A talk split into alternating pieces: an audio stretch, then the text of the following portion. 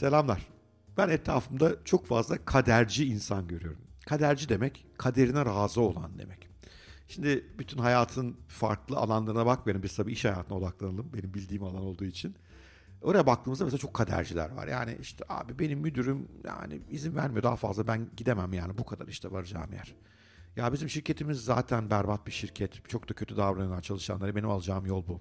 İçinde bulunduğum sektör yanlışmış abi. Ben ne yapayım? Sektör büyümüyor, küçülüyor. Benim burada alacağım bir yol yok.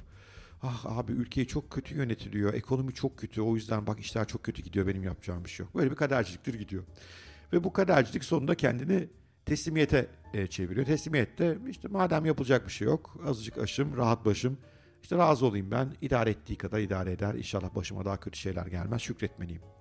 Şimdi şükretmek önemli. Elinizdekileri her zaman şükretmelisiniz. Şükür güçlü bir e, araç aslında motive olmak için de. Ama daha fazlasını istemelisiniz ve daha fazlasını başarabilirsiniz. Bunun için zihni yapınızı değiştirmeniz gerekiyor. Zihni yapınızda da ben kaderciyim, durum belirlenmiş, tasarlanmış durumda. Bu benim dışımdaki güçler tarafından yapılıyor yerine yok ya ben kendi kaderimi elime alabilirim. E, eğer doğru şeyleri yaparsam e, bu kaderci ruh halinden kurtulabilirim moduna geçmek lazım. Şimdi bu moda geçmekle ilgili bugün size 3 tane tavsiyem olacak. Diyeceksiniz ki bittiğinde muhtemelen video ve izlerken ya hoca ne anlamsız şeyler anlattı. Ama sonra düşünün aslında bunların çok kritik olduğunu fark edeceksiniz. Eğer kadercilikten kurtulmak istiyorsanız önce bir kere dinlediğiniz müziği değiştirmeniz lazım arkadaşlar. Yani kusura bakmayın tabii kimsenin müzik zevkine karışmak e, benim haddime düşmez. Herkes kendi zevkleriyle yoğrulur. Ama arabesk dinliyorsanız bir de şimdi daha berbat bir şey var. Arabesk pop dinliyorsanız yani arabesk rap dinliyorsanız veyahut da işte bu Türk popunun böyle hep aynı rutinler değil mi? İşte gitme beni terk etme işte gittin terk ettim bak ne oldu bana falan türü şarkılarını, türkülerini çok dinliyorsanız beyninizi zehirliyorsunuz. Beyninizi kaderci hale getiriyorsunuz. Çünkü bu şarkıların çok büyük bölümünde ne var? İşte birisinin başına gelen kötü bir şeyler var ondan bize yakınıyor. Ülkeyle ilgili kötü bir şeyden yakınıyor. Sevgilisiyle ilgili kötü bir şeyden yakınıyor. Ama kendisiyle ilgili bir şey söylemiyor. Kaderine yanıyor, başına gelenlere yanıyor. Diyeceksiniz ki ya şarkıdan insanın zihni yapısı etkilenir mi? Etkilenir tabii arkadaş. Beynimize ne giriyorsa ondan etkileniyoruz. Beyin temelde bir makine gibi dışarıdan bir girdi alıyor. O girdiden de bir çıktı üretiyor. Aldığım girdide hep kaderci, arabesk, karamsar, insanın bir şey yapamayacağı, başına çok kötü şeylerin gelebileceğine ilgili şarkılar, müzikler bir de bunu müzikle almak daha da etkin çünkü beyin müziğe de daha da duyarlı. Hep bunları içeri sokuyorsanız dışarıda kaderci bir insan çıkıyor. Önce bundan vazgeçin. Müzik zevkinizi geliştirmeniz lazım. Hani bu konuda kimse o kadar yapacak halim değil. Ben de bir müzisyen değilim. Zevkler de tartışılır. Ama yani ne bileyim e, klasik müzik, e, caz, klasik Türk sanat müziği yani çok daha bence iyimserdir bu arada e, sözler itibariyle de. E, seçebilirsiniz. Halk ozanlarına gidebilirsiniz. Mühim olan burada bu arabesk kötümser ortamdan kurtulduğunu size ilham veren, yeni şeylere doğrusu teşvik eden, dinlediğiniz zaman heyecanlandığınız, ruhunuzun yükseldiği şeyler dinliyor olmanız lazım. Arada yine dinleyen arabesk. Bizim ruhumuzda biraz var ama ya her gün de o dinlenmez ki arkadaşlar. İçinizi bu kadar karartmayın. Birinci önerim bu. Müziğinizi düzeltin. Kaderci olmaktan kurtaracaksınız kendinizi. İkinci önerim Allah'ınız aşkına şu dizileri izlemeyin ya. Ya ne kadar karamsarlar. Ben bu sene e, kayınvalidemin yanında yazlıkta bir süre geçirdim Altınoluk'ta.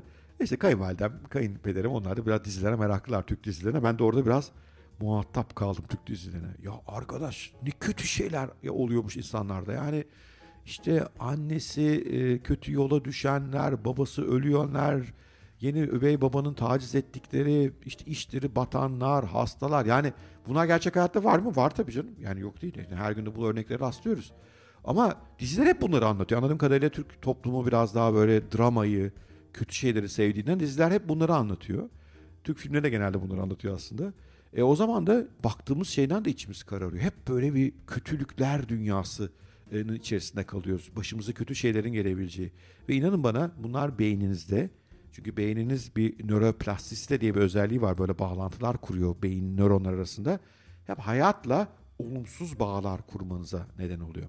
Ve karşınıza çıkan bir fırsatta başınıza gelebilecek kötü şeyleri daha fazla düşünmeye başlıyorsunuz ve biraz da şöyle de oluyor galiba bak onların yaşadığı hayata bak ben şükredeyim benim hayatım en azından onlarki kadar kötü değil.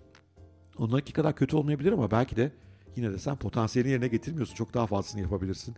Niye kendini bu dizilere gerçekmiş gibi inandırıyorsun? Niye başka daha iyi hayatların olabileceğine inandırmıyorsun.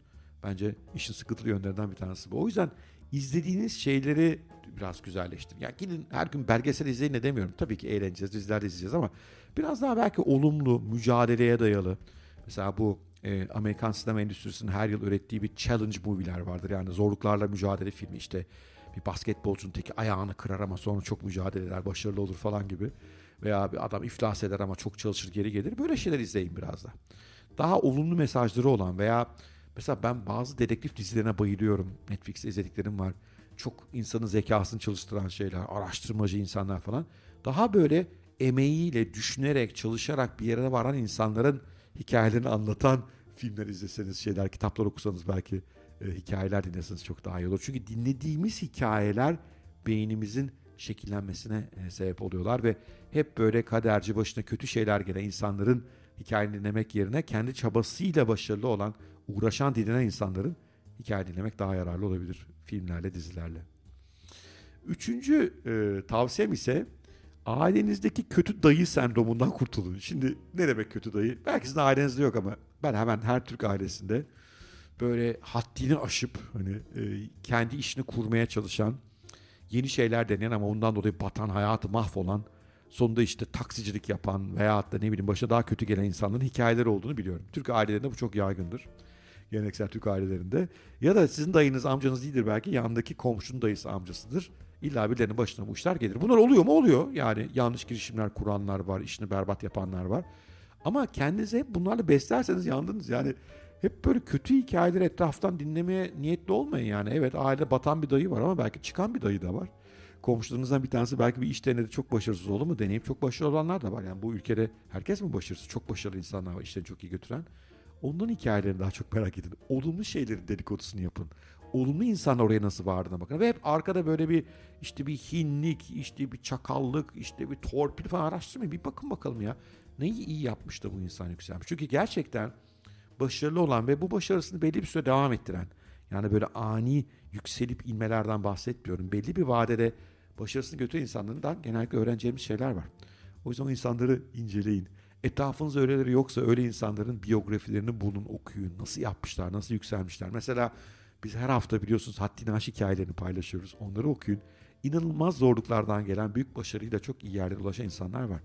Bu hikayelerle beyninizi besledikçe dünyaya bakışınız da daha olumlu hale gelmeye başlıyor ve daha iyi fırsatlar görüyorsunuz. Ve diyorsunuz ki ben sorumluluğumu üstüme alırsam başarabilirim arkadaş. Ben yırtabilirim. Kaderime razı olmak zorunda değilim. Evet bugün konumuz buydu. Umarım ilginizi çekmiştir. İlginizi çekmişse her zamanki gibi bir like etmeniz, bir yorum yazmanız süper olur. Veya paylaşmanız başka arkadaşlarla. Bir de aşağıdaki linklerde bülten üyeliğimle ilgili bilgiler var. Bültenime üye olursanız veya boroskent.com siteme gelip oradan bültenime üye olursanız süper olur. Böylece her gün size atacağım ilham veren, bilgi veren, sizi geliştirecek, haddinizi aşmanıza yardımcı olacak bilgilere, maillere size de ulaşmasını sağlarım. Görüşmek üzere, hoşçakalın, sevgiyle kalın.